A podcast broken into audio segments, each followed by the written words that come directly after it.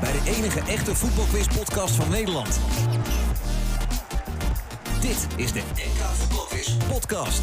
Er is soms geen touw aan vast te knopen. Wie is Chrissy? Dat is another koek. Een makkelijke oplossing. ik eh, Jan Pipper de Clown ben. Ik denk, godverdomme, waar heeft die het nou over zegt? Ik weet het niet meer. Maar soms, als je diep doordenkt, dan snap je het. Ja, een hele goede morgen is het hier.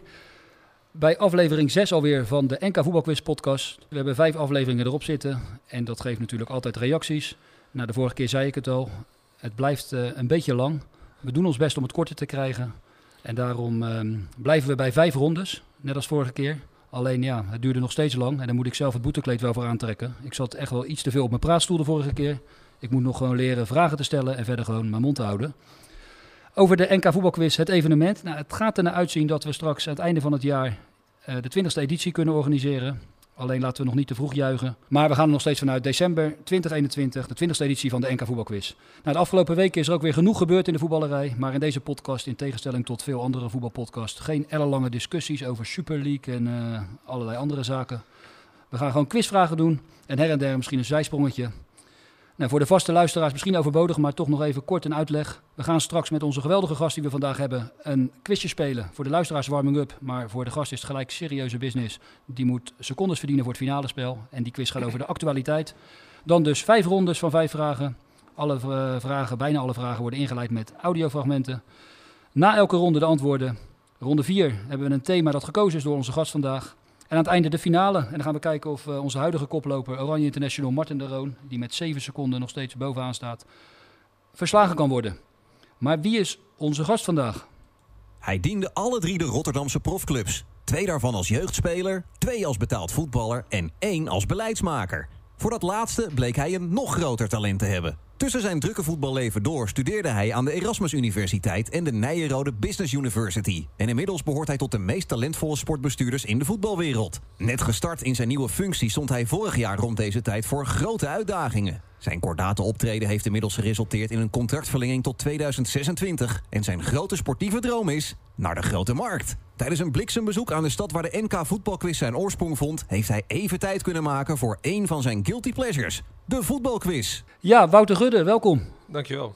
Super dat je tijd kon maken. Ja, graag. Mooi, even thuis. Dus. Ja, thuis in Maasluis. We Ja. zitten hier uh, in Blend, de koffiebar, uh, vlakbij de Grote Markt. Ik Ja. hoorde het net in de intro uh, over de Grote Markt Ja. gaan. Maar de Grote van, van Maasluis. Ja. Dus daar ben je alvast. Iets kleiner dan uh, die andere Grote Markt. ja. Um, ja, we hebben dus na een commentator, een analist, Nederlands kampioen voetbalquiz, een Oranje International en een voetbaltrainer, nu dus een, uh, een directeur. En um, ja, de voice-over gaf het al aan. In je eerste jaar als directeur bij uh, FC Groningen was het gelijk raak. Een rustig begin was geen sprake. Ik denk als ik je vorig jaar om deze tijd had benaderd, had je wel wat anders aan je hoofd gehad. ja, dat klopt. Ja. Ja, het is uh, behoorlijk hectisch geweest de afgelopen jaar. Ik denk voor elke directeur. Alleen ja, ik was natuurlijk ook nog redelijk nieuw in een nieuwe organisatie. Dus, um, uh, en eigenlijk de eerste twee, drie maanden hebben de meeste clubs voor mijn gevoel maar wat gedaan omdat niemand echt wist waar het naartoe ging. Um, dus uh, even kijken, we zijn nu eind, uh, eind april, begin mei. Ja, wij hebben eigenlijk toen het plan gemaakt om er doorheen te komen. En ja, zoals het nu lijkt, als het niet al te lang meer duurt en we kunnen volgend seizoen gewoon een vol stadion wedstrijden gaan spelen, dan uh, komt FC Groningen redelijk tot goed door. Ja, ja misschien van het weekend alweer uh, publiek. Ja, dat, uh, we, we, wachten nu op dit moment op een belletje vanuit, uh, vanuit Den Haag. Of ze uh, hopelijk vandaag tijd kunnen vinden om een besluit te nemen. Ja, zou wel makkelijk zijn. Ja. Je hebt je telefoon in de aanslag. Ja. En als die gaat, dan zetten we gewoon even de podcast stil. Ja. Of we nemen het live, nemen het live op. Ik benaderde je, je hebt de podcast geluisterd en je bent wel van de quizjes. Want volgens mij heb je ook wel deelgenomen in het verleden aan de NK voetbalquiz. Ja, toen, toen hij nog wat kleiner was dan dat hij nu was. En nog in de kantine bij Excelsior Sluis werd georganiseerd. Daar heb ik met mijn vader deelgenomen. Ik denk dat ik toen zelfs nog ja, een tiener in ieder geval was. En uh, toen nog niet zeg maar de ja volgens mij was Harry Hamer er toen wel, maar niet al die andere zeg maar uh, goeroes. Toen zijn we, nog, zijn we nog een keer in de halve finale gekomen, maar dat is wel het hoogst haalbare uh, toen. Ja, inmiddels uh, komen ze inderdaad uit heel het land. Ook we ja. hebben ook deelnemers uit Groningen, dat weet ik. Uh, er zit altijd ja, de woonplaats erbij en er zijn er een aantal uit Groningen ja, ook bij. Geloof ik, ja. Dus um, ja, wordt er verder in Groningen ook nog een beetje gekwist?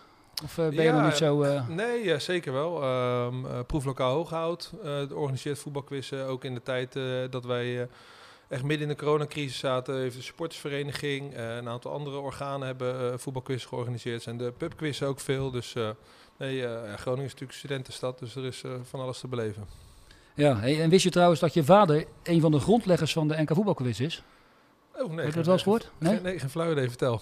Dat was ehm, ja, lang geleden bij Excelsior Maasluis. Je Ja. vader was volgens mij toen even ook eh hoofdopleidingen. Ja. Het was er een jeugdkamp eh, in, in Brabantse Bokstel volgens mij waren we. Ja, ja. En die kinderen die lagen allemaal op bed en wij eh, zaten met de begeleiding. Ik was toen jeugdtrainer. Zaten we aan zo'n grote tafel, eigenlijk zoals we nu ook hier zitten. Ja. En ehm, toen hadden we voetbaltriviant. Was de WK 98 editie. En die eh, we gingen we spelen en ehm, ja, er waren vragen van eh, welk land eh, heeft gele shirts en staan bekend als de goddelijke Canaries. Ja. En eh, ehm, welke Nederlandse speler ehm, is bekend met de terugnummer 14. Dat soort Ja. idiote vragen. Ja. Dus daar waren we al heel snel klaar mee. Dus nou, je vader deed ook mee en met Ja. die tafel zaten we daar. Toen hebben we dat spel van tafel gegooid.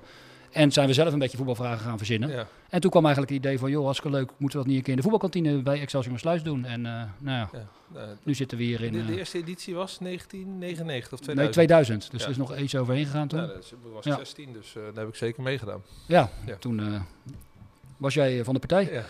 Ja, luisteraars die worden weer ongeduldig, denk ik. Dus we moeten zelf gaan quizzen. We gaan beginnen met een warming-up voor de luisteraars. Maar jij moet gelijk vol aan de bak. Ja. Ik had het net al even gezegd. 10 quizvragen over afgelopen week. Voor elk goed antwoord verdien je drie bonusseconden. En aan het einde van eh, deze podcast kan je die bonusseconden gebruiken in het finale spel. Die komen bovenop de 30 seconden. En dan eh, moet je een score neerzetten in het prominente klassement. Ja, laten we maar gaan beginnen met eh, de actualiteit. De warming-up. Ik neem aan dat je het voetbal afgelopen week goed gevolgd hebt. Zeker, ook gisteravond nog op tv gekeken. Dus ik ben, ik ben Ja. benieuwd hoe moeilijk je het gaat maken. Ja, ik heb eigenlijk geen vraag over gisteravond Oh. erbij. Want ik was al klaar met de quiz. maar eh, wel genoeg over de afgelopen week. Nou, we beginnen toch maar even met één vraag nog over het nieuws wat vorige week gedomineerd heeft. De Super League. Ja. En dan houden we ermee op, want er is veel te veel over gezegd. Wat was de grootste financier van het geheel die zich inmiddels ook teruggetrokken heeft? JP Morgan. JP Morgan inderdaad. Dus dat is inderdaad gelijk drie seconden. Ik schrijf even mee dat ik Ja. alles kan noteren. Dan gaan we naar Schalke. Schalke 04. Vorige week degradeerden ze definitief. Het zat er al een tijdje aan te komen. Bij thuiskomst in Gelsenkirchen stonden er 500 woeste supporters en het liep compleet uit de hand. Welke oudspeler van Schalke en ex-interna- ex-international van Duitsland is tegenwoordig teammanager van Schalke en stapte als eerste uit de bus? Dat is denk ik eh, Gerald Asamoah. Heel goed. Dan vraag 3. Afgelopen weekend was er dus weer publiek in de Eredivisie. Waarop werden de toeschouwers bij Feyenoord Vitesse getrakteerd? Oh, ja, ik wilde zeggen op een 0-0 gelijkspel een rode kaart van Ja, Berghuis. Maar in principe is dat ook goed, bedoeld. maar ik bedoelde voor de wedstrijd al. Voor de wedstrijd. Nee, dat heb ik niet meegekregen. Dan ga ik gokken. Ehm, ja, dat was een commerciële actie van de hoofdsponsor van Feyenoord. Oké, nee, dan zal het geen Rotterdamse kroket zijn geweest. Maar Nou, gok zit- dat. Nou, je zit wel dicht in de buurt. Het was ehm, eh, van Droomparken. Ja. Bami schijven. Oh, Bami Met die Schijven. Jan Boskamp in de- in de hoofdrol. Ja. Ja. Jezus, ja. Eh, Liverpool. Ehm, die waren al actief op de transfermarkt. Jullie trouwens bij Groningen ook al eh, redelijk actief, zag ik. Maar Liverpool die haalde afgelopen weekend een aanwinst binnen voor komend seizoen. Voor zo'n 35 miljoen. En wie trokken ze aan? Moet ik even Een centrale verdediger. Ja, ik heb het gelezen. Als je de club noemt waar die vandaan komt, dan eh Krijg je één seconde. krijg je één seconde precies. Nee, ik weet het niet. Nee. Het was van eh Red Bull, of tenminste Razenbalsport Leipzig. Ja. En het was Ach ja, Koenate. Ibrahima Ja. Kounate. Oké. Vraag 5. de rust van welke eredivisiewedstrijd vond een huwelijksaanzoek plaats? Bami schrijven. Waarmee schrijf je aan? Ehm, eh, heb ik ook niet gezien. Dan ga ik voor... Ja, ik kan heel veel hints erbij geven, maar... Was, ADO Fortuna. nee, het was bij Sparta VVV. Ach. Ja, je zit nu op eh, vijf vragen, eh zes seconden, dus twee goed. Vraag 6. afgelopen weekend in de buitenlandse topcompetitie, ook wel in een, eh, een topwedstrijd, viel er een goal waarbij zowel de speler van de paas als de speler van de goal een knotje schuine streep paardenstaart had. Wie waren dit? Dat was ook een topwedstrijd, zei je? Ja, in principe wel. Ja, zeker. Het was eh, een match of the day op Ziggo.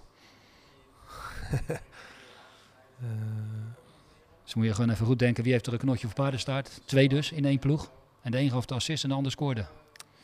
Nee, geen flauw idee. Het was eh, bij Barcelona tegen Villarreal. Oh, Mingueza en eh Griezmann. Nou, dan vraag 7. Serie A.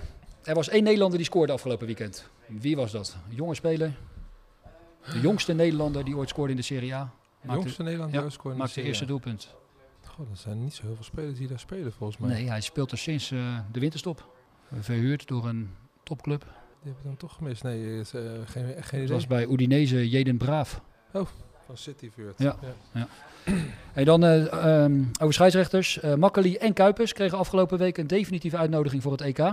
Nederland is niet het enige land dat twee scheidsrechters afvaardigt. Er zijn nog vier landen. En de vraag is, noem er twee van die vier. Dus die twee scheidsrechters afvaardigen straks naar het EK. Mm, Duitsland. Dat klopt. Brieg en eh Siebert. Ehm, Niet te verwarren met Zeon Siebert. eh, Nee, dan ga ik er ook wel vanuit dat Engeland er ook twee levert. Ja. Dat klopt. Dus Ja. dat zijn drie seconden. Dat is een Oliver en Taylor. Ja. En dan Roemenië. En Sp- nee, Spanje. Oké. Ja. Vraag 9. Een lange vraag. Welke ex-voetballer blikte deze week terug op een harde schop die hij ooit uitdeelde tijdens zijn carrière? Hij zei daarbij alleen spijt te hebben dat hij het slachtoffer niet veel harder had geraakt. Wie was dat? En hij deed zijn uitspraak in een film die volgende maand uitkomt. Deze speler schreef zelf mee aan de film, of deze speler schreef zelf mee aan de film. En die film gaat over de ontwikkeling van een van de allergrootste clubs ter wereld. Een hele beroemde schop. Dan zeg ik eh, eh, Roy Keane op eh Alving Haaland. Ja, het is wel die club. Ik snap ook wel dat je in Ja. die richting zoekt, maar het was een schop die uitgedeeld werd buiten oh, het veld. Het was Cantona. Cantona tegen Ja. Crystal Palace. Ja, precies. Ja. Matthew Simmons, het slachtoffer. Ooit nog een vraag in een van de allereerste NK Keane raakte hem ook wel hard Zo. toen. Ja, en die had ook niet echt spijt. Nee, ja. Die heeft het niet gezegd achteraf. Nee. Cantona zei dat hij hem eigenlijk veel harder had moeten raken. Ja. Ja, dan de laatste vraag. In het Nederlandse betaalde voetbal afgelopen weekend maakten jullie nieuwe aankoop Michael de Leeuw en Hattrick. Ja. Maar er was nog een speler die drie keer scoorde in het hele betaalde voetbal. Dus ook de keukenkampioen divisie erbij. Afgelopen weekend. Die weet je ook wel, denk ik. ja, dat is Romano Postema natuurlijk. Precies, heel goed. Er zijn twee spelers die waarschijnlijk volgend jaar bij jullie... eh, Dat is wel de bedoeling, ja. Ja. Ja. Oké, dus dat zijn ook drie seconden. Dus dan ga ik even tellen. Dat is 1, 2... ehm, Vier goed, volgens mij. nee, volgens mij vijf. de- Of vier. Vier maar. 1, 2... Ja, je hebt gelijk. Vier goed, dus 12 seconden boven de 30. Dus dan ga je straks met 42 seconden Het starten. draait allemaal om de finale. Zo is het. Ja. Als je gewoon één keer die 8 oplepelt, Ja, dan eh, sta je gewoon dik bovenaan. Oké, we gaan starten met eh, ronde 1. Ronde 1. Ja, ronde 1. En ronde 1, luisteraars, daarvoor kunnen jullie je pen en papier erbij pakken. Uiteraard de telefoons weer weg en eh, computers en alle andere opzoekmaterialen. Gewoon alles met blote hoofd, zonder hulpmiddelen. Gewoon net als straks als de NK voetbalquiz er weer is. Dan moet je ook alles met parate kennis doen. Vijf rondes dus en we gaan beginnen, we gaan beginnen met de eerste ronde van vijf vragen. En het thema is uiteraard eh, directeur. Dus het thema van de eerste ronde is directeur. En we beginnen met een audiofragment. Ja. Jullie hebben vast eh, de, de kranten gelezen. Echt, echt geweldig nieuws, geweldig nieuws. Ik weet het al 14 dagen, maar ik denk dat jullie er niet op verdacht zijn. Maar Michael van Praag gaat eindelijk weg. Ja, hij gaat naar Europa. Naar de UEFA. En dat betekent dat er een nieuwe bondsvoorzitter komt. En dat ben ik. Ja, dat had hij gehoopt. De vraag is heel simpel, de eerste. Eh, wie hoorden we hier? De langzittende algemeen directeur in het Nederlands voetbal. Wie is dit? En eh, hij wilde bondsdirecteur worden, maar dat is eh Jus P. geworden. Ik ben erbij geweest. Bij de verkiezing. Ja, ook bij de pleidooi wat hij nog heeft gehouden. ja. Oké. Ja, ja, ja. En dat was online. eh, Nee, het was fysiek nog. Was net voor de coronatijd volgens mij. Oké. Ja.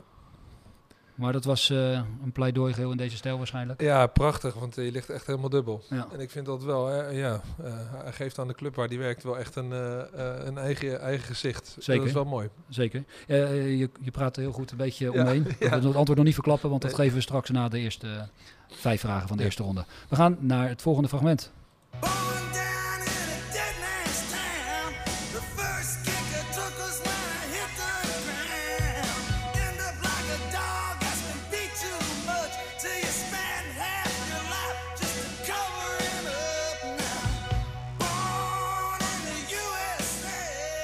Ja, we hoorden hier Bruce Springsteen, ook wel bekend als De Bos.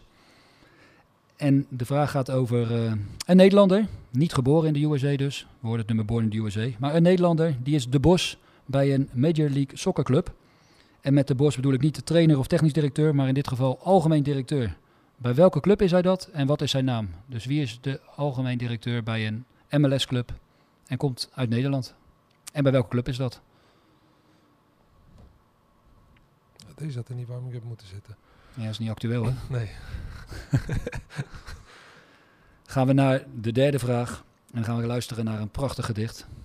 Hier, bij Ajax, ligt mijn hart. Een club, fascinerend, altijd apart. Door velen genoemd naar godenzonen. Voor mij de bakermat van voetbaliconen. Hebben we over gehad, hè? Mijn herinneringen gaan terug naar de meer. Ook daar heerste een bijzondere sfeer. Hebben we over gehad. Nu ga ik mijn gevoelens weer achterna. En treed technisch toe in de arena. In mijn levensfase is dit een nieuwe kans. En mijn jeugdliefde krijgt een extra stimulans. En daarom klinkt het Ja, en nu stopt het opeens. Want de vraag is, maak de laatste twee regels af. En daarom klinkt het, puntje, puntje, puntje, de laatste regels van het beroemde gedicht van Louis van Gaal. Toen hij als technisch directeur terugkeerde bij Ajax. Ja, een gedicht. In elke podcast tegenwoordig wordt een gedicht. eh, dus ik denk, laat ik een gedicht erin Ja. plakken. Maar eigenlijk, wel, eigenlijk zou iedereen dat moeten doen die terugkeert bij, eh, bij zijn oude liefde bij een club. Dat hij gewoon met een gedicht begint. Gewoon als eh, nou. eerbetoon aan Van Gaal. Dus dat, dat Robben vorig jaar gewoon eh, bij jullie... eh, Ja, dat lijkt me niet echt een type voor. Ja, van de ene voormalig Ajax-directeur gaan we naar de huidige Ajax-algemeen directeur. Die eh, in zijn beginjaren ja, het vrij moeilijk had. Tegenwoordig eh, nou ja, de absoluut eh, leider van Ajax. En hier eh, voorafgaand aan de bekerfinale tegen Zwolle. Of tijdens de bekerfinale. Kappen met deze shit, alsjeblieft. Je benadert de club, jullie zelf als fans, de spelers. Wij willen graag als club deze prijs winnen. Dus ja, met deze, met deze onzin schieten wij helemaal niks. Ja, Edwin van der Sar op het veld in de Kuip. Kappen met deze shit, riep hij. En ehm, de vraag gaat over voorgangers van Edwin van der Sar als algemeen directeur van Ajax. In die lijst van vele voorgangers zijn we op zoek naar twee algemeen directeuren met dezelfde voornaam. De een was eind jaren 90 directeur en kreeg een relatie met een directielid van Feyenoord. En de ander, met dezelfde voornaam dus, werd in 2008 aan de kant gezet naar aanleiding van het rapport van de commissie Coronel. Dus welke twee voormalig Ajax-directeuren met dezelfde voornaam zoeken we hier? Ja. Terwijl dat je wel zijn vrouw kent, maar niet de man. Ja, slecht hè? ja. Ja. Ja, ik denk het weet. En dan de laatste vraag van deze eerste ronde. Gaan we weer luisteren naar een eh, bekende burgemeester. Hartelijk welkom, dames en heren, hier aan de gemeentegrens van Juiden. Wel, wanneer het met uw gala van het Gouden Hoofd net zo gaat als met de verkiezing van de sportman van het jaar, dan komt Juinen zeker in aanmerking voor de titel Sportstad van het jaar. Nee, hoofdstad, burgemeester. Ik had bedacht... Wat bedoel je, Haking? Als Juin het gouden hoofd krijgt, wordt Juin gouden hoofdstad van Nederland, niet sportstad. hè? Correct, Hacking, maar dat beweer ik Nee, u immers. zei sportstad. Nee, maar laat mij dan even mijn hoofd- welkomsttoespraak beëindigen. Moet het, moet het over, mensen? Nee, Ja, we hoorden hier Coat en Bie met hun beroemde sketch van eh, de burgemeester van Juinen. Een van hun beroemde sketches. In het Nederlandse betaalde voetbal is er een club met een algemeen directeur die, in zijn, burgemees die zijn burgemeesterszetel verruilde voor een functie van algemeen directeur. Welke club is dat? Wat is de naam van die directeur? En als je nog weet van welke gemeente hij directeur was, of eh, sorry, van welke gemeente hij eh, burgemeester was, van 2009 tot eh, 2017, is dat helemaal knap. Dus welke club heeft een algemeen directeur die hiervoor burgemeester was? Wie is die algemeen directeur? En bij welke gemeente? Ja, tot zover de eerste vijf vragen over directeuren. En er zit een directeur tegenover mij. En ehm, was het te doen? Ja, ik denk dat ik er drie, misschien vier weet. Oké, dat is netjes. Ja. Nou, dan gaan we maar even luisteren naar de goede antwoorden. Antwoorden ronde 1. Ja, de eerste vraag. We begonnen makkelijk. Nou, je vertelde eigenlijk al dat je het wist. Ja, Pieter. Dat was eh, Pieter de Waard. De redelijk excentrieke directeur Ja, van, eh eh, die heeft ook een prachtige Telstar. kledingstijl, alles Ja. houdt erop na. Maar hij is echt, echt een, eh, ja, wat ik al zei, hij geeft echt een eigen gezicht aan Telstar. Echt Absoluut. prachtig. Ja, ook het social media beleid van Telstar is natuurlijk geweldig. Ja, ja, ja. eh, past helemaal bij is dat nu een beetje aan het kopiëren, had ik eh, begrepen. Ja, ik zag pas ook eh, tijdens, ja, tijdens een bepaalde wedstrijd dat... Ja. Het leek op het vaccinatiebeleid. Ja. Het begon hoopgevend, maar uiteindelijk stortte het in elkaar. Ja. Ja.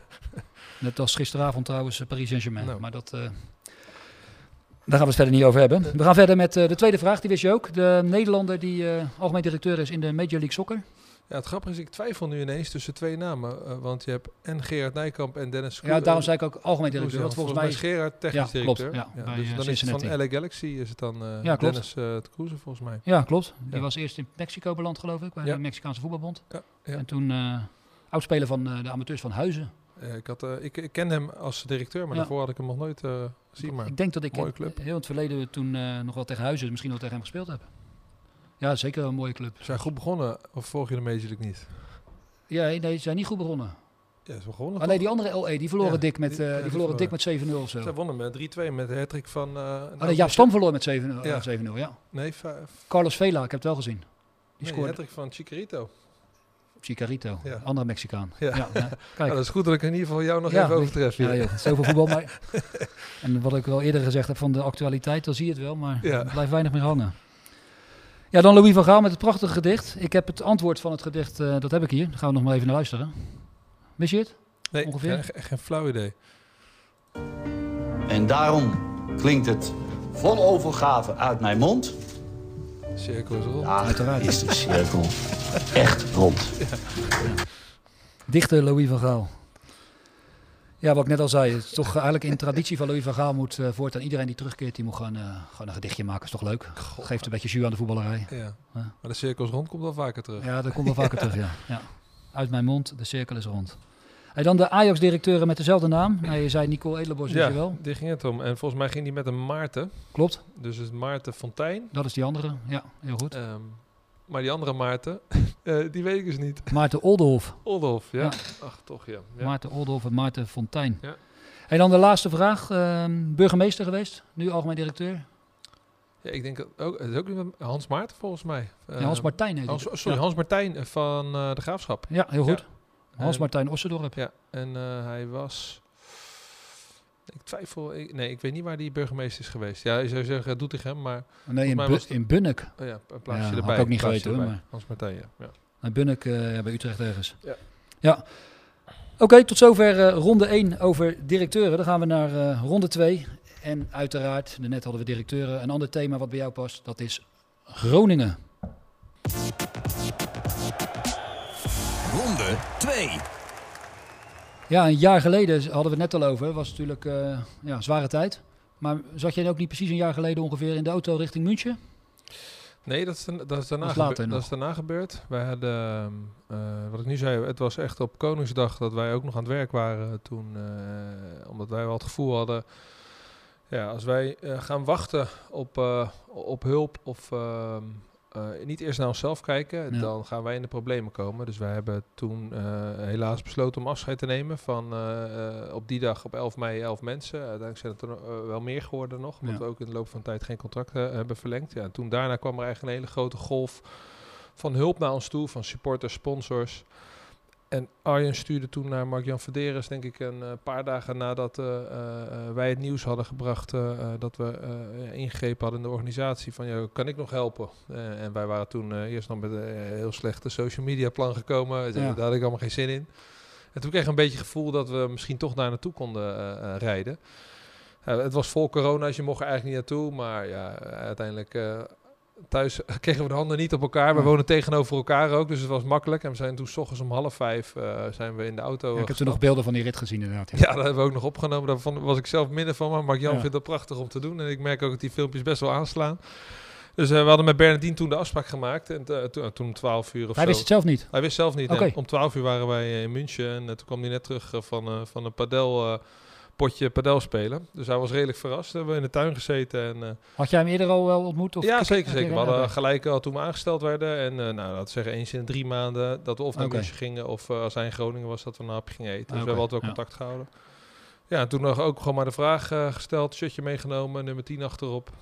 En ja, gevraagd of hij wilde. Ja, mooi. Ja, en uiteindelijk is het sportief nog niet ge- ge- ge- geworden wat, wat hij zelf van gehoopt had. Maar voor de club is het echt goud geweest in alles. Ja. En eh, kan je al een primeurtje geven dat hij bij gaat tekenen of niet? Nee, nee? dat, eh, dat zou ik graag willen. Ja. Ehm, ik hoop in ieder geval dat hij gewoon eh, zondag weer meedoet. Ja. Er zit in ieder geval steeds meer trainingsarbeid in. En dat is voor hem wel belangrijk, dat hij wat, wat robuuster wordt. En hij bekijkt het echt van dag tot dag. Omdat ja, het lichaam wil helaas niet altijd meewerken. Nee, dat, dat is zonde. Ja, het, we hebben het er nu al een tijdje over gehad, maar het fragment dat gaat inderdaad over zijn terugkeer. Beste voetbalvrienden en beste supporters van FC Groningen. Op 12-jarige leeftijd ben ik begonnen in de jeugdopleiding van FC Groningen en op 16-jarige leeftijd volgde mijn basisdebuut in het stadion Oosterpark tegen Feyenoord. Op mijn 18e vertrok ik al naar Eindhoven. Inmiddels, 18 jaar later en een mooi voetbalavontuur rijker, komen we terug naar huis. Terug naar Groningen. Ja, en het ging nog even verder. Deze ja, terugkomstvideo, zonder gedicht trouwens. Ja. Die, ehm, denk dat je een van jullie best bekeken filmpjes is. Eh, ja, alles wat daarna Ja. gebeurde. Volgens mij hadden we zo eh, een dubbel aantal Instagram-volgers. En het ontplofte Ja. echt aan alle kanten. Ja, ja dat was, eh, het journaal opende ook ermee op 27 juni vorig jaar, geloof ik. Maar het nieuws ehm, van de comeback van Arjen Groningen, daar gaat de vraag ook over. En je gaf het al aan, jullie hadden een shirt meegenomen met nummer 10. Dus hij ging uiteraard ook met nummer 10 spelen dit seizoen. Ja. Maar welke Groningen-speler die vorig seizoen nog met dat nummer speelde, raakte dat nummer dus kwijt. Dus wie had voor Arjen Robben, hij speelt nog steeds bij jullie, Ja, zeker. rug nummer 10. Dat was ook mooi. Dat was geen enkel issue. Nee, dat eh Nee. accepteerde hij wel. Ja, ja, ja. dat eh, begrijp ik. Het mooie was ook dat eh, Arjen zei dat als hij niet wilde, dan hoeft het voor hem ook niet. Oké. Dus, eh, Ja. Maar het was gelukkig geen enkel issue. Nee, dat Nee. lijkt me ook niet. ja, gaan we naar een andere Groningen held, waar zelfs een lied over geschreven is. Komt-ie. Hé jongens, weten jullie ook waar Wally Waldenbos woont? Nee! Wat? Nee! Wie weet,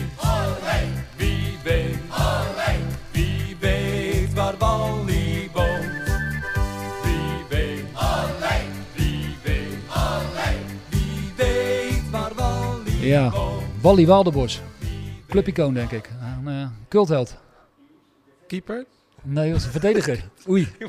Ah, we kunnen knippen. Ja, goed zo. Hij was een, eh, ja, een klassieke allitererende Ja. naam. En daar ben ik altijd gek op. Ik heb me echt ingelezen, eh, je hoeft niet te knippen, ik heb me echt ingelezen.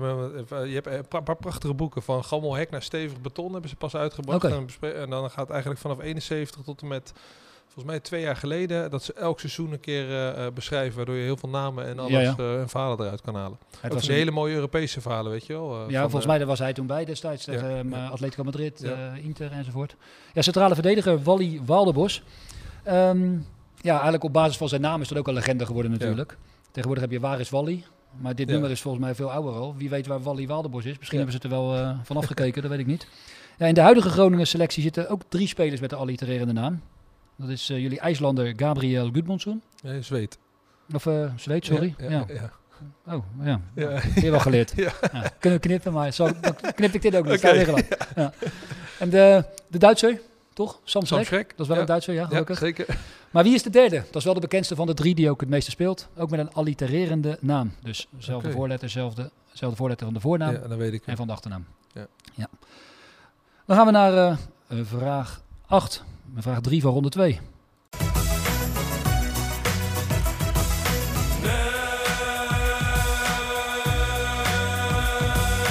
Pizza Hut, ne Pizza Hut, Kentucky Fried Chicken und ne Pizza Hut, ne Pizza Hut, ne Pizza Hut, Kentucky Fried Chicken und ne Pizza Hut, McDonald's, McDonald's, Kentucky Fried Chicken und ne Pizza Hut, McDonald's, McDonald's. Dat is vaak nog het leukste. Gewoon eh, een eh, liedje en dan een vraag erbij verzinnen. Ja, van ben heel benieuwd waar andersom. het nu naar gaat. Ja, precies. Hij kan ook eh, Old McDonald Head of Farm kunnen Ah, verzinnen. Dus dan dan heb je al een idee. Ja. gaat inderdaad over Rob McDonald. Ja.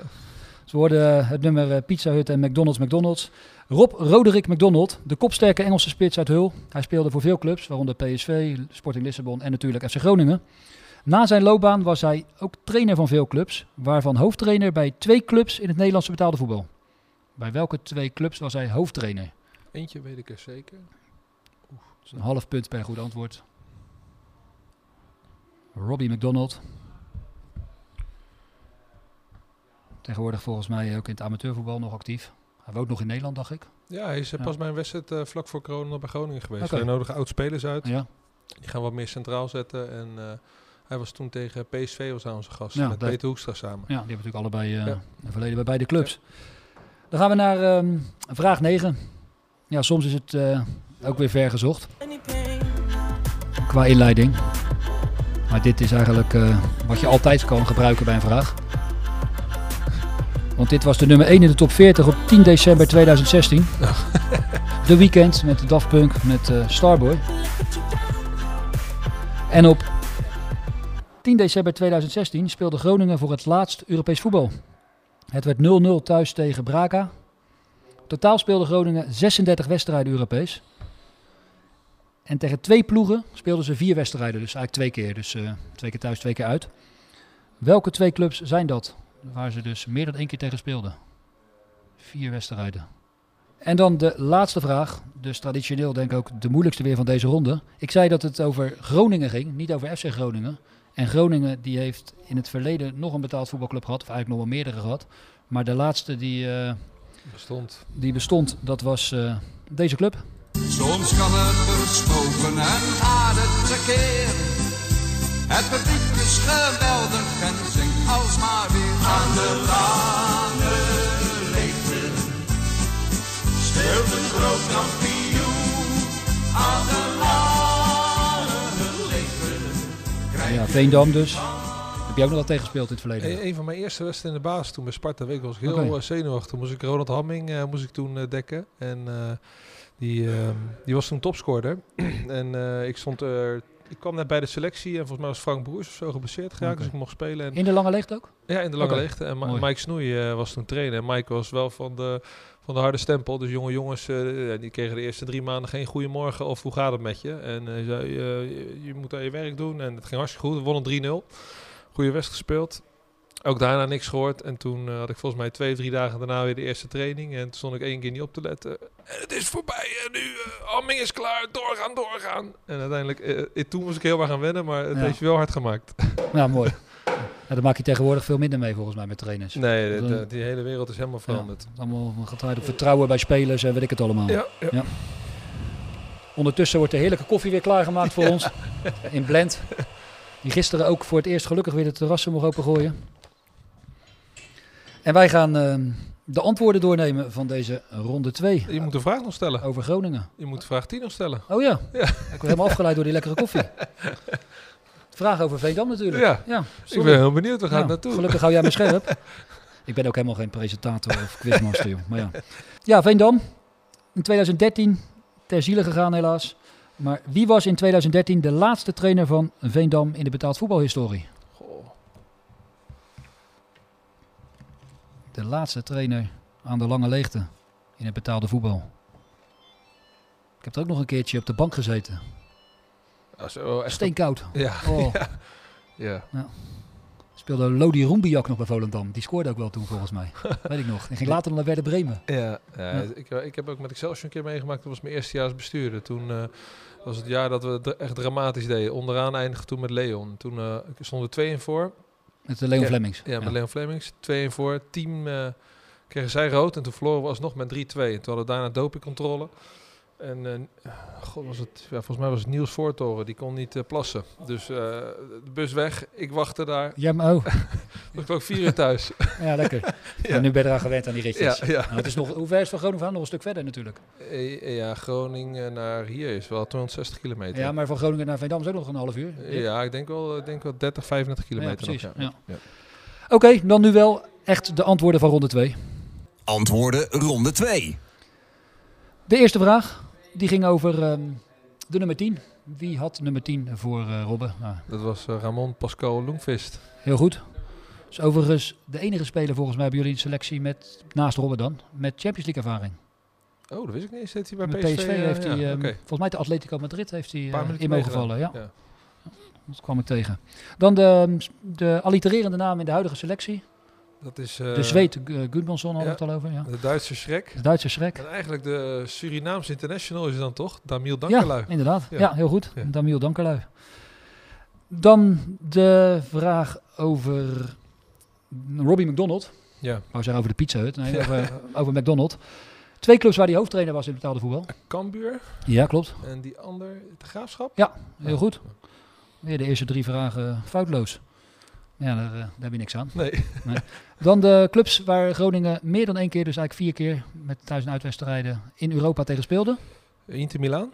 Nee. Oh, dan is Atletico die andere? Klopt, Ja, ja. Atletico. Ja. En twijfel, die pool was uh, Liberec, Marseille en Braga. Volgens mij hebben ze daar niet eerder tegen gespeeld. Ze hebben daarvoor nog een keer Aberdeen gespeeld. Oh, dan is Partizan Belgrado. Heel goed, ja, klopt. Ja. toen met Jurovski de, de allereerste keer. Ja. Volgens mij naar aanleiding van die wedstrijd kwam Jurovski uh, naar Groningen. Ja, en die tweede keer uh, stonden ze op het randje aan het doorgaan. Toen miste volgens mij Juri Cornelissen die penalty. Kijk, je hebt die boeken echt heel goed gelezen. Ja, ja, ja, knap. Ja, ja, ja. en dan de laatste vraag. Uh, niet over FC Groningen, maar over Veendam. Ja. De laatste trainer. Oud keeper was het volgens mij. Oh, keeper. Nou, dan, uh, ik twijfel tussen Joop gewoon Dick Lukien. Nee, uh, dus nee. dan is het allebei fout. Oud keeper, nog even. Nee, weet ik niet. Gert Heerkes. Oh, ja. Ja. Heracles, Willem II nog. Klopt, ja. En uh, dus degene die uh, als laatste Volendam, of Volendam, Veendam gecoacht heeft. Ja. We gaan naar ronde 3. Ronde 3. Ook nu weer vijf vragen. En het thema van deze derde ronde, dat heeft uh, verder niks meer uit te maken. Gewoon een uh, themaatje. Afrika. Ja. Ik heb trouwens nog wel even zitten kijken. Heel veel Afrikaanse spelers heeft Groningen niet gehad, dacht ik. En toen ging ik toch even verder kijken, kwam ik er toch wel weer een aantal tegen. Sanko. Sanko inderdaad. Ja. Um, ja, ze hebben ook nog volgens mij, dat noemen ze het, uh, een van de grootste miskopen van, uh, van, ja, van ja, ja, meer dan 3 miljoen voor betaald. Uh, Femi is dat. ja, um, Agilore. Agilore, precies, klopt. En um, Glenn Selman natuurlijk, oh, ja, Zuid Zuid-Afrika. Zuid ja. Nou ja, dan kan je natuurlijk nog een aantal Marokkaanse jongens, tegenwoordig ook nog. ja, Ankouri, ja. Mahi. Ja. En um, Boussabon in het verleden. Ja. Kamata, dat was ook een van de grote miskopen. Ken je die nog? Die was zo razendsnel, zeiden ze toen. Uh, was nee. een uh, Frans uh, Afrikaan. Nee. Ike, Ikedia, Ikedia, ja, weet ik hoe je het zegt. Ja, ja, genoeg nog. Troost Ekong is natuurlijk ook ja, een soort van... ja, nee, die heeft bij Groningen uiteindelijk niet gehaald, maar nee. uiteindelijk nu een fantastische carrière. Ja, absoluut. Ja. En WK gespeeld met Nigeria. Ja. Lars Veldwijk. Ja, ja, ja, ja. ja. Ook iets minder succesvol bij Groningen. Ja, maar ja, zo kan je nog wel even doorgaan. Hey, maar scouten jullie tegenwoordig, je hebt natuurlijk al de scouting ook een beetje opnieuw ingericht. Ja. Maar is Afrika ook wel een gebied waar jullie uh, actief zijn of juist nou ja, niet? Het is nu heel grappig. We hebben natuurlijk Peter Leeuwenburg uit Zuid-Afrika ja, gehaald. Uh, ja. Maar die is wel meer gewoon uh, vanuit het brede profiel gekomen. Nee, uh, wij hebben juist, um, uh, nou, iedereen weet volgens mij wel dat wij Wes Beuvink uh, uiteindelijk aangesteld ja. hebben. En die viel met name op vanwege zijn leeftijd, omdat hij 21, maar hij is pas 22 geworden, dus een okay. stukje ouder weer. Ja, precies. Um, nee, wij, wij, wij, richten ons veel meer op specifieke regio's, omdat wij nooit ergens wereldwijd de beste kunnen zijn. Dus met name in Europa uh, en, en echt de focus op Scandinavië, waar we ook een scout hebben die in, in Zweden woont, uh, met uh, René Bakhuis. Okay. en daar ja. Ja, hebben we gewoon een gevoel dat we een beter netwerk hebben um, en de combinatie met data, video en uiteindelijk live. Ja, die heeft ons wel Gabriel uh, Goedmansson opgeleverd, maar ook Strand Larsen en ja, Paulus Abraham ja. natuurlijk nu gehaald. Waarvan Wordt dat nieuwe klapper Abraham, nieuwe Suarez? Nou ja, we hebben, we hebben, voor Groningen begrip natuurlijk veel geld uitgegeven. Ja. dus um, alleen ja, wel een jongen van 18 heeft een, een, contract voor vijf jaar nog vanaf de zomer. Dus die gaat nu rustig wennen. die moet wel aan het niveau wennen, maar daar zit natuurlijk wel heel veel talent in. Ja. En uh, bij ons is gewoon de filosofie uh, 1, 2 jaar de tijd te geven. En dan moeten ze er staan. En dan, uh, ja, ons businessmodel is ook gewoon geënt op uh, aankopen, verkopen. Ja, logisch. Ja. Dat geldt voor elke Nederlandse club bijna, denk ik. Ja, ja. ja. En je hebt in het verleden zelf natuurlijk ook nog wel met de nodige Afrikaanse spelers gespeeld. Bij, ja. bij Sparta vooral, denk ik. Ja, met Sani Keita, Keita, Della Adeleye en Obedai. Obedai, bij RKC ook nog, denk ik. Obedai, ja, ook. Fred Benson. Oh ja. ja. ja. Ganees. Nou, we gaan beginnen met vragen over Afrika. En, en, en, voetbal uiteraard. Ja. Ronde 3. We beginnen met een uh, fragment waarvan ik later hoorde, ik trapte er dus in dat het echt was, dacht ik. Maar ik geloof ja. dat Wietse al zei in de eerste aflevering toen dat het uh, ook een comedian was. Okay. De voetbaluitslagen van de Premier League. English Premier League. Everton 1, Manchester United 3. Crystal Palace 4, Leeds United 1. Chelsea 4. Ja, dan gaat het nog even door. Goed luisteren om ze te verstaan. Ik verstond trouwens niet alle clubs. Ehm, ja, eh, de Premier League. Het seizoen 2018-2019 was uniek, want er waren drie topscorers. En ze waren alle drie in Afrika geboren. Het was Aubameyang, Salah en Mané. Het seizoen daarvoor was Salah ook al topscorer geworden. Maar welke Afrikaan werd daarvoor twee keer topscorer van de Premier League? Dus de, eigenlijk de eerste Afrikaan die topscorer werd in de Premier League. Hij werd het twee keer. Wie was dat? Dan gaan we naar vraag 12, vraag 2 van ronde 3. When you fall,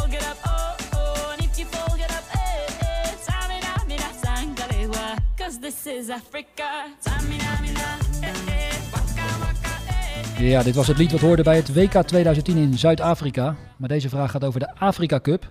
In de top 5 van meeste overwinningen in de Afrika Cup staat Egypte bovenaan met 7 titels. Nigeria die staat op de vierde plek met 3 titels. Maar welke landen staan op plek 2 en 3? Heb je ze allebei goed, krijg je een punt. Dus Egypte is de koploper met 7 titels. Nigeria die staat met drie titels op plek 4. Maar welke landen staan op plek 2 en 3? Gaan we naar vraag 13.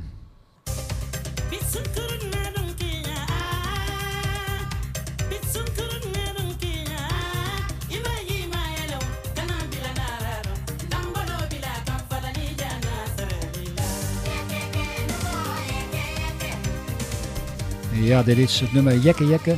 En die stond in 1988 op nummer 1 in de top 40. En de artiest heet Morikante. Morikante. En als het over Kanté gaat, dan hebben we het natuurlijk in het voetbal over N'Golo Kanté. Die trouwens aardig speelde ook afgelopen week in de Champions League. Nou. Met Chelsea. De artiest Morikanti, Morikante komt uit Guinea. Maar in welk Afrikaans land liggen de roots van Fransman N'Golo Kanté? Hij is geboren in Parijs. Maar Dat is een moeilijke deze hoor. Poef. Waar liggen zijn roots? Wereldkampioen met Frankrijk. Ja, hij speelde erg sterk tegen Real Madrid. Hij doet me ook wel een beetje aan eh, jullie middenvelder Matusiwa denken. Die is wel iets groter misschien, maar Ja, ik denk goede dat speler. wat bonkiger is nog dan eh Kanté. Maar uh, Celdia, enorme bal afpakken. On, en ons, zeg maar, uh, uh, ontwikkelt zich gelukkig ook goed aan de bal. En Kanté heeft wel een tijdje even moeilijk gehad. Maar volgens mij Ja, met, Tuchel, daarom. met Tuchel is het Ja. wel uh, Nee, volgens ik- mij wel weer een goede Ik klik. hoorde ook wel eens dat hij een beetje een soort van afgeschreven was. Maar ik zag hem spelen afgelopen Ja, dinsdag. En toen goed. dacht ik van nou, Ja. die kan wel even mee. Ja. Ja, dan gaan we weer naar een muzikaal hoogstandje bij eh, vraag 14. Kenia, Kenia, Nigeria, Nigeria. Alle smaken hebben we eh, in deze podcast. Nederland, nee. Ja, voor de liefhebbers die hem helemaal willen luisteren. Het is Mula B met het nummer Kenia. Op zich een creatieve zon allemaal. De vraag gaat over Kenia. Want er zijn twee voetballers uit Kenia die ooit op de bank zaten bij een Champions League finale. De een kreeg de gouden medaille, die won de Champions League. De ander zat aan de verliezende kant. En het zijn broers. Maar ze hebben niet dezelfde voetbalnaam. Als je allebei de namen weet, krijg je één punt. Weet je één, krijg je een halve punt. vraag. Dus twee spelers uit Kenia die op de bank zaten in de Champions League finale, mochten niet invallen. De een zat aan de winnende kant, de ander aan de verliezende kant. En het zijn broers. Eentje die ken je wel. Alleen ze hebben niet dezelfde naam, dus dat maakt het ook nog wel weer lastig. Ja. Goh, Kenia, jeetje. Nee. Ja, het loopt op. We proberen qua moeilijkheidsgraad. Ja, dat lukt goed. Dat lukt goed, Ja, gelukkig. ja. Zodat iedereen eh, aan bod komt. Ja. Voor elke voetballiefhebber. Champions League, hè? Ja? Champions League. Ja. ja, we gaan naar eh, vraag eh, 15. De laatste vraag van de ronde over Afrika. I want to break free. I want to break free. I want to Ja, we hoorden Queen en de zanger van Queen, Freddie Mercury. Die is geboren in Afrika, op Zanzibar. En dat hoort bij Tanzania. Hij werd geboren als Farok Bulzara. Maar de vraag gaat over... Ja, we maken een paar zijsprongetjes, Ja. maar wel over Tanzania. Want na jaren in Ghana gewerkt te hebben, werkt voormalig FC Den Bosch doelman en trainer Hans van der Pluim. Ja. Alweer een tijd in Tanzania. Is helemaal gesetteld in Afrika. Zijn kleinzoon, dat is een huidige profvoetballer. Wie is dit? Ja, goed. Dat weet jij wel. Dat moet jij wel weten. Jij hebt nog wel eh, met hem te maken gehad. Als het goed is. Oké. De kleinzoon van Hans van der Pluim. Een huidige profvoetballer. Nee, ik gaat geen belletje rinkelen. Ik zat eerst aan Van Hekken te denken, maar dat is hem niet, toch? Nee, nee, Het is nee. van Jan Poortvliet, volgens mij. Ja, dat is, Jullie. dat is een zeel. Ja, Ja. dat zou kunnen, ja. ja. Maar het is wel ook een eh, centrale verdediger. Oké. We gaan naar eh, de antwoorden maar. Antwoorden ronde 3. De eerste vraag over die eh, Afrikaanse topscorer in de Premier League twee keer. Ja, ik dacht Drogba. Ja, klopt, heel goed. DJ Drogba, de Ivoriaan. Dan de tweede vraag, die ging over de Afrika Cup. Egypte, recordhouder. Nigeria 4, maar welke twee landen staan er tussenin? Ja, Cameroen, denk ik. Klopt. Ehm, en ik twijfel tussen eh, of Zuid-Afrika of Algerije. Misschien heel gek, maar ik ga voor Algerije. Nee, allebei niet. Oh. eh, het is Ghana. Oh, Ghana Ja. natuurlijk. Ja, dom joh. Ja, ik denk. Zuid-Afrika pas veel later. eh, de Afrika Cup die stamt al volgens mij vanaf nou ja, tijdje heel lang geleden. En. Zuid-Afrika is pas later gaan meedoen. Ja. Maar het is Ghana. Dan ehm N'Golo Kanté. Zijn eh, vader of zijn roots die liggen in... Congo. Nee, een, een ander land waar het op het moment helemaal niet veilig is, geloof ik. In Mali. Oh, Mali. Dan de Kenianen. Twee broers. Nee, echt. echt. De ene verloor de finale met Tottenham toen. Oh, Speelt tegenwoordig... Bonk, Wanyama is ja, dat. tegenwoordig ergens in eh, de Major League Soccer. Bij eh, Montreal of zo. Ja. Dat was inderdaad Wanyama. En die ander zat op de bank bij Inter in 2010. Zijn eh, voornaam die kwam er net al voorbij. McDonald Mariga. Oh, Mariga. Is het die jongen die ook bij Porto nog eh, heeft gespeeld toen of Dat is volgens mij een ander. Oké, ja. Oh, die zat ook. Nou, bizar. Ja, dus dat zijn broers en allebei... broers ook gewoon. Ja, het zijn broers. En weet je ook het verhaal waarom ze dan niet dezelfde achternaam Ja, hebben? dat, eh, ja, er zijn wel meer voorbeelden van in Afrika. Ja, ja, dat klopt. Een ja. goed voorbeeld is ehm oud-Groningen speler tegenwoordig Excelsior, eh, Ahmed Mendes Morera. Die heeft ook een broertje en die heet eh Sekou Sila. Oh ja, tuurlijk ja. En dat Ja. zijn gewoon echte broertjes. Ja. Dus de een heeft de naam van de vader, dan de ander van de moeder Ja, waarschijnlijk. ja. zoiets. Ja, en dan de laatste, Hans van der Pluim. Helemaal happy in Afrika. Ja, En, nee, ik eh, heb geen flauw idee wie dat, wie dat is. Edwin de Wijs. Oh, Jordi de Wijs. Jordi dus. Want Edwin... eh, ja, sorry. eh, ja, Edwin is ja, de vader van er staat hier ook. Jordi de Wijs bij. Ik bedoel eh, Jordi de Wijs. Ja. Oh, wist nee, sorry. ja. met Van der Pluim? Ed- heb ik zeker mee te maken Edwin de. Wijs is eh, de, de ehm, schoonzoon van Hans van der Pluim. Ja, ah. Ja, die gaat met de dochter van Hans van der Pluim. Ah, oké. Ja, nee, eh, Jordi is toen van Excelsior naar Hull City Ja. gegaan. En nu weer een, een transfer gemaakt van Ja. een QPR, of niet? Ja, klopt. Ja, ja. Dus ehm, het goede antwoord is inderdaad Jordi de Wijs. Dan gaan we naar ronde 4. Ronde 4. Ja, ronde 4 heb jij het thema gekozen. Jij gaf bij mij aan, ehm, maken ze een leuke ronde over vader en zoon in de voetballerij. Nou, iedereen begrijpt waarom jij daaraan dacht. En ik bedacht me wel opeens dat het eigenlijk wel uniek is eh, in het geval van jou en je vader in de voetballerij. Dat jij eerder in het betaalde eh, voetbal actief was dan je vader. Normaal is het natuurlijk altijd, bijna altijd andersom. Dat een Ja. vader eerder in het Ja. voetbal, betaalde voetbal actief is. Maar bij jou is het eigenlijk andersom.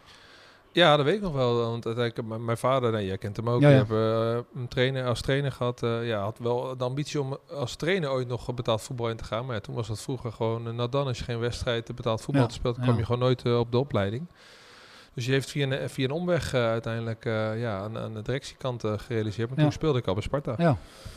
Dat is, ik kan geen andere voorbeelden eigenlijk verzinnen die, waarvan de zoon eerst in betaalde voetbal kwam en daarna de vader in een bepaalde Nee, functie. nee. Misschien dat de luisteraars iets te binnen schiet. Kunnen natuurlijk altijd via onze social media Ja, dat is kanalen. kunnen ze mooie, eh, hersenbreker Ja, dit. precies. Kunnen ze iets insturen. Het zal ongetwijfeld zal er zijn, maar wij, wij komen er even niet op. Ja, we gaan ehm, over vaders en zonen. Nou, daar konden we eigenlijk wel een hele quiz mee vullen. Maar we hebben vijf eh, vragen daarbij gemaakt. En ja, toch misschien wel het mooiste verhaal. Dat was dit. En we gaan even luisteren naar een fragment. Is hij thuis ook zo zelfverzekerd, jouw zoon? Nou, dan hoor ik hem niet. Dan durft hij niks te zeggen. Hebben jullie vanochtend wel ontbeten?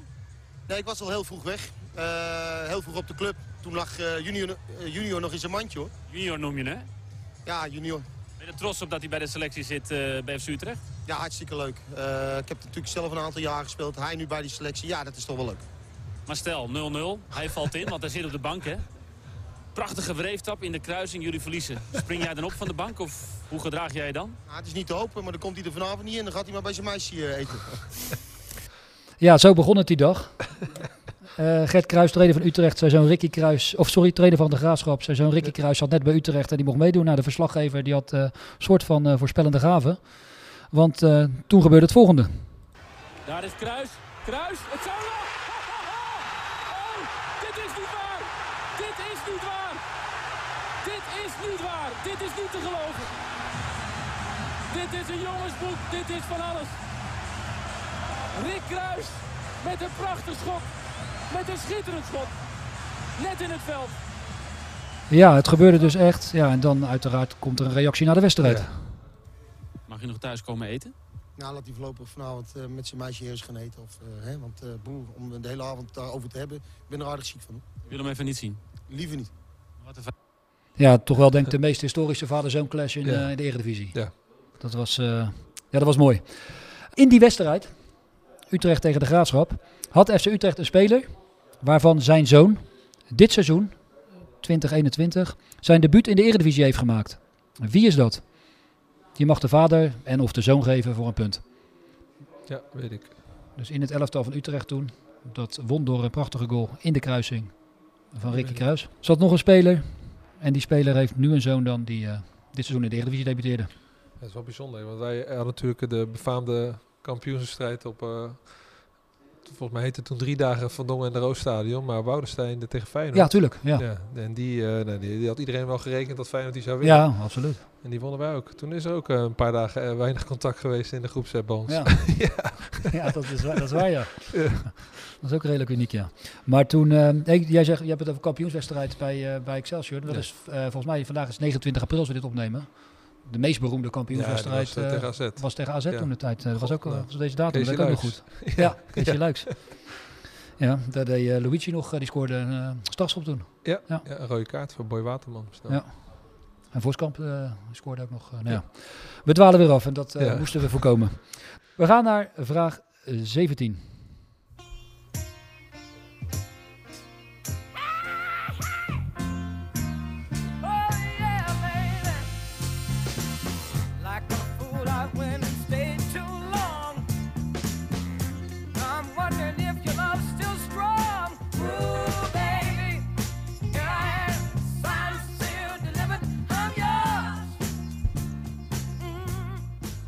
Ja, Stevie Wonder hoorden we hier. En we weten allemaal dat de zanger Stevie Wonder dat hij blind is. Dus de vraag gaat over Danny en Daley Blind. Danny heeft een dochter en Daley dus een zusje. Ja. Die heeft dezelfde naam als een medespeler van Daley Blind in het Nederlands elftal. Wat is haar voornaam? Af en toe gaan we een beetje in de familiesfeer en een beetje van het pad af, van het voetbalpad af. Maar de dochter van Danny Blind, het zusje van Daley Blind, heeft dezelfde voornaam als een medespeler van Daley bij Oranje. Wat is dat? Nou. Het is niet eh, Jasper. nee, je gaat er heel snel gekke namen krijgen. ja. Memphis? Ja, ja, ja, ja, het zou. Memphis zou nog Zou- een jongen en zou een nog- meisje ja, kunnen, dat toch? zou kunnen, ja, ja, ja. Dan vraag 18. Geen audiofragment, dus we gaan gelijk de vraag stellen. Ja, een van de beste spelers van de Eredivisie op het moment, denk ik. Cody Gakpo. Ja. Zijn vader kon ook goed voetballen. Niet in Nederland, maar die speelde in een ander land waar hij vandaan komt op het hoogste niveau. De vraag is uiteraard, in welk land is dat? Maar dan doen we gelijk nog even een extra vraagje erbij. Zijn moeder, Ank van Bommel, die was Nederlands international. Maar in welke sport? Precies. Nou, Dus wat eh, ontbreekt er? Dus het land van de vader van Cody Gakpo, waar hij op het hoogste niveau voetbalde. En de sport waar de moeder van Cody Gakpo international in was. En dan gaan we naar eh, wel een audiofragment bij vraag 19. Ik heb dezelfde ogen en ik krijg jou trekken om mijn mond. Vroeger was ik driftig, vroeger was jij driftig, maar we hebben onze rust gevonden. En we zitten naast elkaar en we zeggen niet zoveel. Even een rustmomentje in deze podcast. Heb ik hetzelfde ritueel. Papa, ik lijk steeds meer op jou. Ja, Stef Bos, inderdaad, met eh, het bekende nummer Papa. In 2004 maakte Henk Kessler, als directeur eh, van de KNVB, namens de KNVB zijn excuses. Hij betuigde vooral spijt voor een flater aan het adres van een bondscoach van de tegenstander. In het Nederlandse programmaboekje, voorafgaand aan een interland, stond het triviale feitje te lezen dat een international van dat land de zoon zou zijn van de bondscoach. Maar dit was niet meer dan een roddel. Het hardnekkige gerucht dat in de wereld is gekomen door de treffende gelijkenis tussen speler en de bondscoach is nooit bevestigd. Over welk land, bondscoach en speler gaat het hier? In 2004 moest de directeur van de KNVB, een voorganger van jouw vader, Ja. Henk Kessler, eh, ja, door het stof. Door het stof, oh. Want er had iemand in het programmaboekje Ja, toch wel een fout gemaakt. het was een hardnekkig gerucht en ja, je zag heel veel foto's naast elkaar. Dacht iedereen van nou, misschien is het ook wel een onechte zoon. Dat zou kunnen. 2004, het was EK... Toen was er een? EK in Portugal, ja. ja. Met Dick Advocaat nog. Nee, was, ja, Advocaat was dat. Was een advocaat. Ja. Nou, het was programmaboekje, dus het was Ja, denk eh, daarna. of zo, of daarna, ja, ja. Nee, daarna was het. Over, overigens, nou ja, dan ga ik te veel verklappen. Ja, dat eh, komen we zo op. doen, Maakte die speler wel naam op het EK 2004. Oké. Ehm, ah, we helpen de luisteraars ook een beetje. Ja, dan de laatste.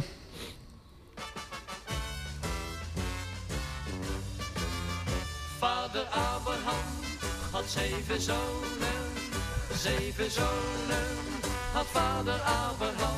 Ja, weer een prachtig stukje tekst. Vader Abraham had zeven zonen, zeven zonen had vader Abraham. De vraag gaat niet over... eh, Iemand met zeven zonen? met iemand zeven zonen. De vraag gaat ook niet over eh, Abraham. Nee. Eh, Tammy Abraham of jullie Abraham. ja. Paulus. Paulus. Of de, is het bij eh, Frankfurt? Is dat ook eh, Ja, eh, Abraham, ja. Abraham? Ja, nee, de vraag gaat over vader-zoon combinaties. Leuke vraag vind ik zelf. Iedere voetballiefhebber weet natuurlijk dat Arnor en Eidor Gudjonsson de enige vader-zoon combinatie is die in dezelfde wedstrijd, dezelfde interland in het veld hebben gestaan. Want zoon lief viel in voor vader Arnor destijds. De bedoeling was dat ze ook nog samen in het veld zouden staan. Maar daar kwam het helaas niet van. Want Eidor die brak zijn been op een gegeven moment. En eh, nou, op een gegeven moment was Arnor daardoor ook te oud toen hij weer eh, hersteld was. Maar vader speelde 73 interlands. Eidor speelde 88 interlands. En daar gaat de vraag ook over. Zij speelden dus allebei meer dan 50 interlands. En de vraag is, van welke vader-zoon combinaties, er zijn er nog twee, speelde zowel vader als zoon 50 of meer interlands voor een Europees land. Dus vader-zoon combinatie die allebei meer dan 50 interlands speelden voor een Europees land. Goh, wat een moeilijke vraag zeg. Ja, vraag 20. Nou, laten we dan maar snel naar de antwoorden gaan. Antwoorden ronde 4. Ja, de eerste vraag ging over de familie Kruis. Familie Kruis, dat is ook een tv-serie, toch? Oh, nee, daar ben- daar ben- zit ik nog niet eens in. Is het met Linda de Mol die? Ja, dat zou wel kunnen volgens Ja. mij. Maar ik zoek even de antwoorden erbij, dus ik denk, ik praat het even vol. Want ik heb een puinhoop van mijn Oké, nee, administratie de eerste gemaakt. weet ik echt uit mijn hoofd. Ja, dat weet ik ook spelen eh, van Utrecht, van wie zijn zoon eh, dit jaar debuut ma maakte. En goed ook. Eh, de eh, Cornelissen, Enzo. Cornelissen. Ja, Tim en met zoon. Enzo Cornelissen, inderdaad. Vernoemd denk ik naar Enzo Francescoli. Dat weet ik niet, maar Enzo. Geen flauw idee. Nee. Ja, dan ehm Deli Blind, zijn zusje. Ja, ja. Nou, loopt heel even het Nederlands elftal af. Ja, ja, ja. Zou ook niet Matthijs hebben gegeten. Nee. De- Denzel. Denzel, Nee, nee. ja, Donjel. Nee. Virgil, nee. Maar dan zijn we er wel. Ja. Frenkie. Frenkie, Frenkie, ja. Frenkie. Het is eh, Frenkie. Dan ehm Cody Gakpo. Zijn vader was eh, speler op hoog niveau, op het hoogste niveau in Togo. Oeh, oké. Trouwens ook lekkere koffie vandaan uit Togo. Ja. Heb je hier voor de deur eh, vaak opgehaald ook? Ja, die draaien heel goed nu. Die draaien heel Togo. goed, ja. Ja, precies. En dan ehm, de sport van de moeder van eh Ja, Ank van Bommel. Ank van Bommel. Ja, Ja. geen familie van. Nee, en die komt uit Eindhoven. Volgens mij speelt Gakpo al, Gakpo heel zijn leven bij PSV. Ja, die is heel jong al. eh Ja. is een van de weinige Eindhovenaren eh, die deze eeuw in, eh, Fijn- die in Eindhoven geboren is, die in Ja. PSV 1 gespeeld heeft. Ja. Dan zou ik eh, ja, veel zwemmen, zwemmers, zwemsters komen volgens Ja, mij. ben je niet echt international? Ja, misschien wel. Maar nee, het is echt een eh, teamsport. Oké. Rugby. ja, was, Ja, ja, echt? ja, ja. Ank van. Bommel. Oh nee, ja, dan Ja. eh, eerlijk is eerlijk. eh, Gakpo heeft wel eh, echt goede fysieke voorwaarden. Zeker. Echt top. Dus, Maat eh, 46 ook, begreep ik. ja, dus zijn moeder of Gakpo? Ik, moet, ik moet uitkijken, want, want we hebben voor de... Ja, kan ik alvast wel verklappen. Ja. We hebben binnenkort een prijsvraagje bij de NK Voetbalquiz. Ja. We hebben de schoenen van, Van Cody Gakpo? van Cody Gakpo. Oké, ja. dus, Die worden geld waard. Ja, die worden geld waard en Ja. die, eh, die kan je winnen. We moeten nog even kijken in welke vorm, maar dat eh, Ik ga ervan uit die meegaat naar het EK. komt later. Ja, absoluut. Ja. Die, eh, gaat Nederland Europees kampioen maken, dan kunnen we ze beter houden, die schoenen. Echt een goede speler, ja. Nee, die gaan we voor het EK gaan we die nog in de prijsvraag gooien. Het was dus ehm, Togo en rugby. En dan vraag 19 over de bondscoach met een onechte, volgens de geruchten, zoon in zijn ploeg. Was Tsjechië met Karel Brugner en Marek Heins. Ja, die, eh, ook allebei, ja. Die hadden aardige gelijkenissen. En dat kwam eigenlijk tijdens het EK 2004 naar voren. En toen moest Nederland volgens mij daarna weer in de kwalificatie tegen Tsjechië. Had En- iemand dat in het Ja, programmaboekje geschreven. Ja. Goeie. Ja, goed man.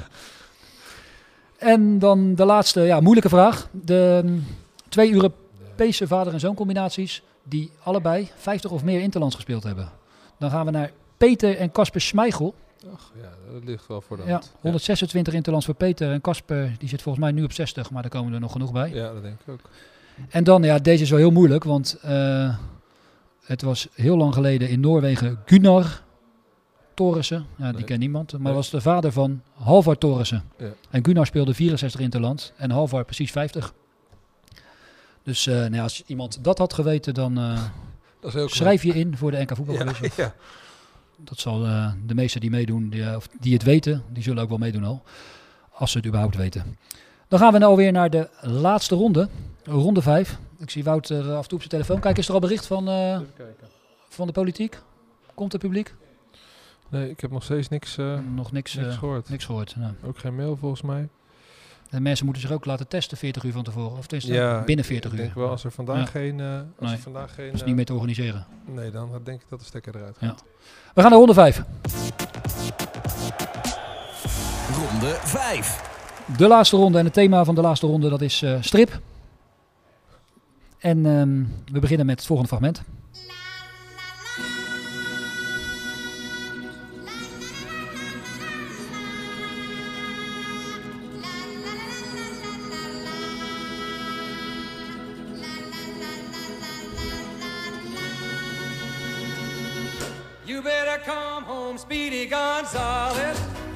Ja, Pat Boone met Speedy Gonzales. Het stripfiguur Speedy Gonzales. Daar gaat de vraag over. Over Gonzales. Een van de meest voorkomende namen ter wereld, denk ik. Vooral in de Spaanstalige landen. Dus ook in de voetballerij zijn er heel veel Gonzalesen. De bekendste is denk ik Raúl. De voormalig spits van eh, Real Madrid en Schalke. Hij heet namelijk voluit Raúl González. Puntje, puntje, puntje. Wouter wilde het bijna zeggen, maar Nee, kon het net inhouden. Ja.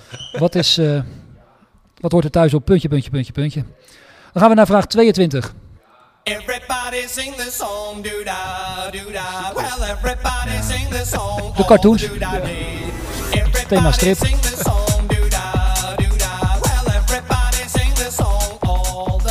Ja, de cartoons dus met eh, hun fantastische plaat Duda. In de Bundesliga is de Slovaaks international Ondrej Duda actief. De aanvallende middenvelder scoorde dit seizoen al zeven keer. Afgelopen weekend scoorde hij ook eh, een prachtige goal. Voor welke club speelt hij? Goh, hersenbreken. Slovaaks international Ja. Duda. Och. We gaan naar vraag 23, de derde vraag van de ronde over strips. Pijbelaar, altijd klaar voor het gappen van een koek. Een ruit kapot, dat was een schot van Shaki van de Hoek. Ja, Connie van der Bos met Shaki van de Hoek. Ja, een van mijn favoriete strips vroeger was Shaki en de Wondersloffen. Juist, die heb ik ook veel gelezen. Die heb je ook veel gelezen? Ja. Mooi hè? Ja, prachtig. Ik was pas aan het, ehm, aan het opruimen thuis, eh, verbouwen en kwam ik weer heel veel tegen. Heb ik ze weer al wat doorgebladerd. En op een gegeven moment zag ik ze allemaal weer te lezen. Dat Rob van der Rovers, eh, Roel Dijkstera's, eh, Ronnie Hansen. Maar Shaki was toch wel... En elk, elk, ging eigenlijk elke keer om hetzelfde. Ja. Hij raakte zijn schoenen kwijt. Ja, ja. En aan het einde dan had hij ze meestal weer, soms niet. Met ehm, vriend Rick en Daan, toch? Goh, nou, Rick, die- Rick van Houten, de keeper. Die, die hebben... eh, die Sjaki hebben echt- Meulemans. eh, ik- die en Suske en Wiskers volgens mij. Die heb ik helemaal, Ja. helemaal doodgelezen. ja. En dan eh, op de Oost, Oosterparkschool. Ja, in Groningen speelde het zich af volgens Ja, mij. Het is natuurlijk vanuit, ja, daar gaat de vraag ook over. En vanuit Engeland is het allemaal vertaald. Maar het was in Nederland in Oh, is vanuit Engeland vertaald? Ja, ja, het is Engelse Oh. strip. De meeste strips zijn, zijn Engels inderdaad. En die worden dan in Nederland. want dat is ook de vraag. De vraag is namelijk: wat was de Engelse titel van wat wij hier kennen als de Wondersloffen van Shaki? Dus hoe heette die in Engeland? De, het origineel. Ja. Wij zijn in Groningen, ja, inderdaad. Meester Steen van de Ooster, eh, Oost, Oosterschool Ja. of de Oosterpark? Nee, de Oosterschool was het, denk ik. Oosterparkschool? Oosterparkschool, ja, zou Ja. kunnen, ja. ja. Dan op een eh, witte, broek, witte broek en een rood-wit eh, gestreept shirt. Ja, ja. En die... ehm, dat zal geen keiharde vertaling zijn. Gewoon zeg maar wonderstoffen op zijn Engels. Nee, nee, nee. Ja, nee, geen wond, nee. Ja. Ongeveer. Ja. Eh, vraag 24. Geen audiofragment, dus gelijk de vraag. Givanildo Vieira de Souza, voetbalnaam Hulk. Hij speelde met Brazilië op het WK 2014. Tijdens dat toernooi werd Brazilië vierde. Onderweg naar die vierde plaats moest Brazilië één keer strafschoppen nemen. Hulk miste in die strafschoppenserie, maar het bleef gelukkig voor hem zonder gevolgen, want Brazilië won uiteindelijk. Tegen welk land was dat? Dus tegen welk land won Brazilië de strafschoppenserie op het WK 2014 in eigen land? Waarin Hulk miste. Jeetje. Dat was niet zo. Dat had iedereen verwacht dat ze dik zouden winnen, volgens mij. Ja. heel zwaar. Klopt. Ja.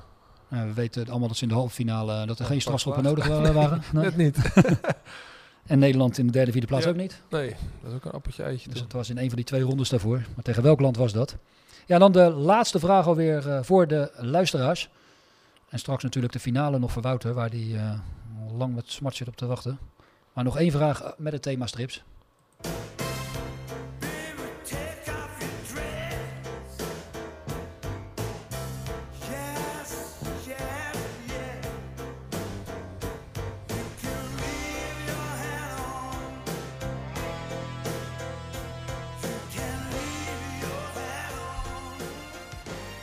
Ja, You Can Leave Your Head On van Joe Cocker. Ik heb wel eens gehoord dat, eh, dat dit het meest gedraaide nummer van een in een stripclub is. Hoor ik wel eens. Maar Ja, dan ga je dan aan een ex-voetballer vragen natuurlijk. ik, eh, ja. nee, volgens mij eh, Robert die, eh, Oh hier ja, van Blend. vragen we die, zo aan eh, Robert wel, ja, weet wel even aan of dat zo is.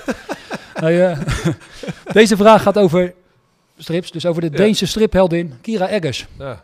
Tijdens de Interland, daags na het hotelbezoek van Kira Eggers, Denemarken-Nederland, was er één Nederlandse debutant Ja. in die wedstrijd. Wie was dat? Ja, dit was de laatste vraag van ronde 5. Van de ronde over strips. Dan gaan we naar de antwoorden. Antwoorden ronde 5. De eerste vraag, eh Raúl González. Blanco. Inderdaad, Raúl González Blanco. Dan de tweede vraag, de Slovaak Duda. Ja, ik, ik twijfel tussen eh Freiburg of Bielefeld. Nee. Allebei nee, fout. Allebei fout. Een club die eh, nog volop eh, bezig is om erin te blijven.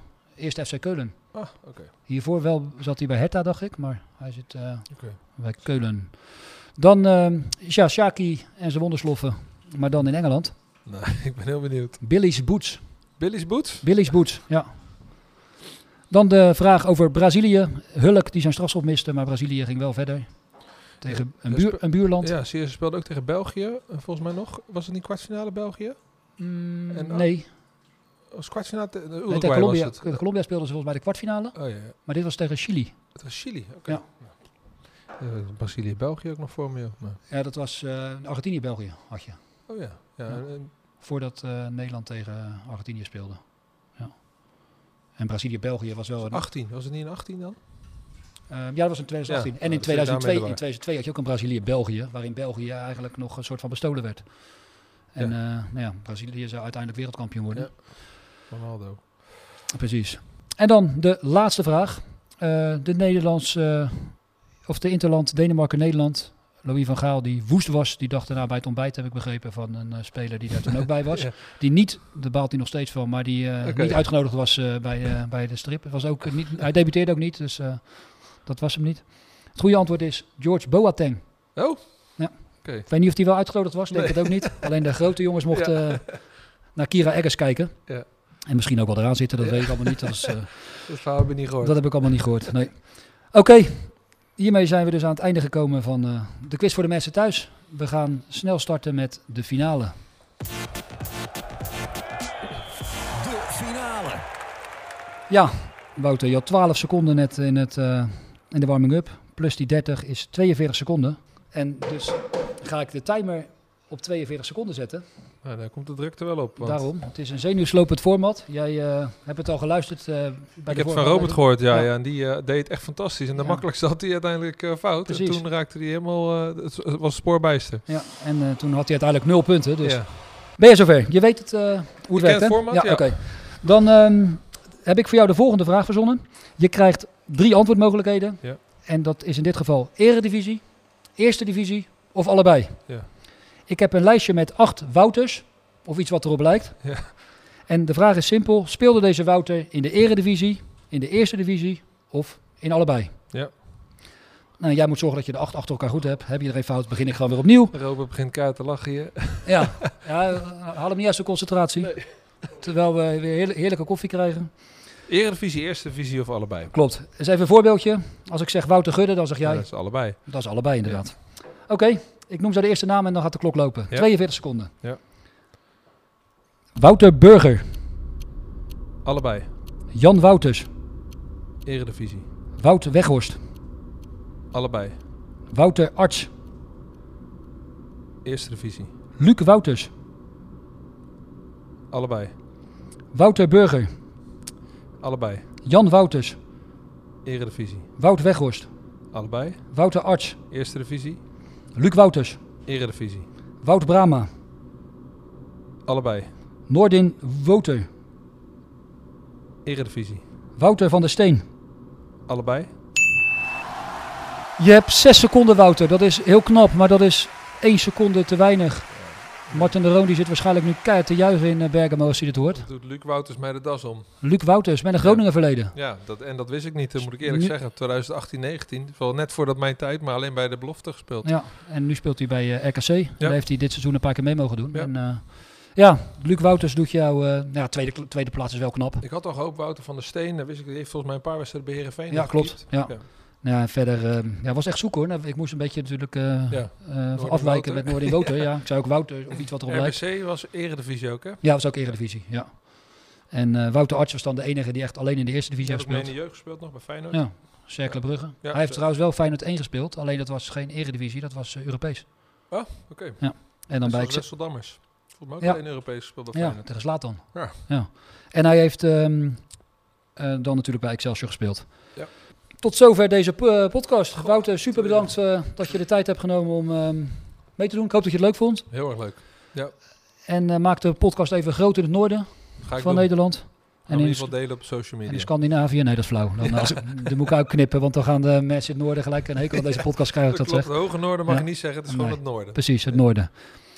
Ehm, ja, luisteraars, we hopen dat jullie je weer vermaakt hebben. Zo niet, hebben jullie in ieder geval weer wat voetbalkennis opgedaan. En vergeet niet te abonneren, liken, delen, weet ik het, vermenigvuldigen, recensies enzovoort. En hou onze socials in de gaten, want we zijn er als het goed is over twee weken weer met een nieuwe gast. Hebben jullie nog tips, ideeën enzovoort? Eh, zet het op social media richting ons met direct messages of gewoon in de comments, weet ik het allemaal. We gaan eh, een einde aan maken, Wouter. We nemen nog een paar slokken koffie en dan ehm, wil ik jou nogmaals bedanken. Graag gedaan. Heel erg leuk om mee te doen. Goed zo.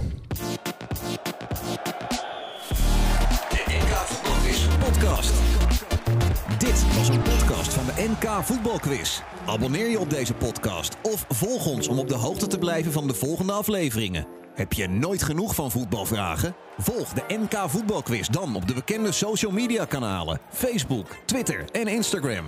Blijf ook op de hoogte van al het amateurvoetbal via de socials van Icons Voetbal.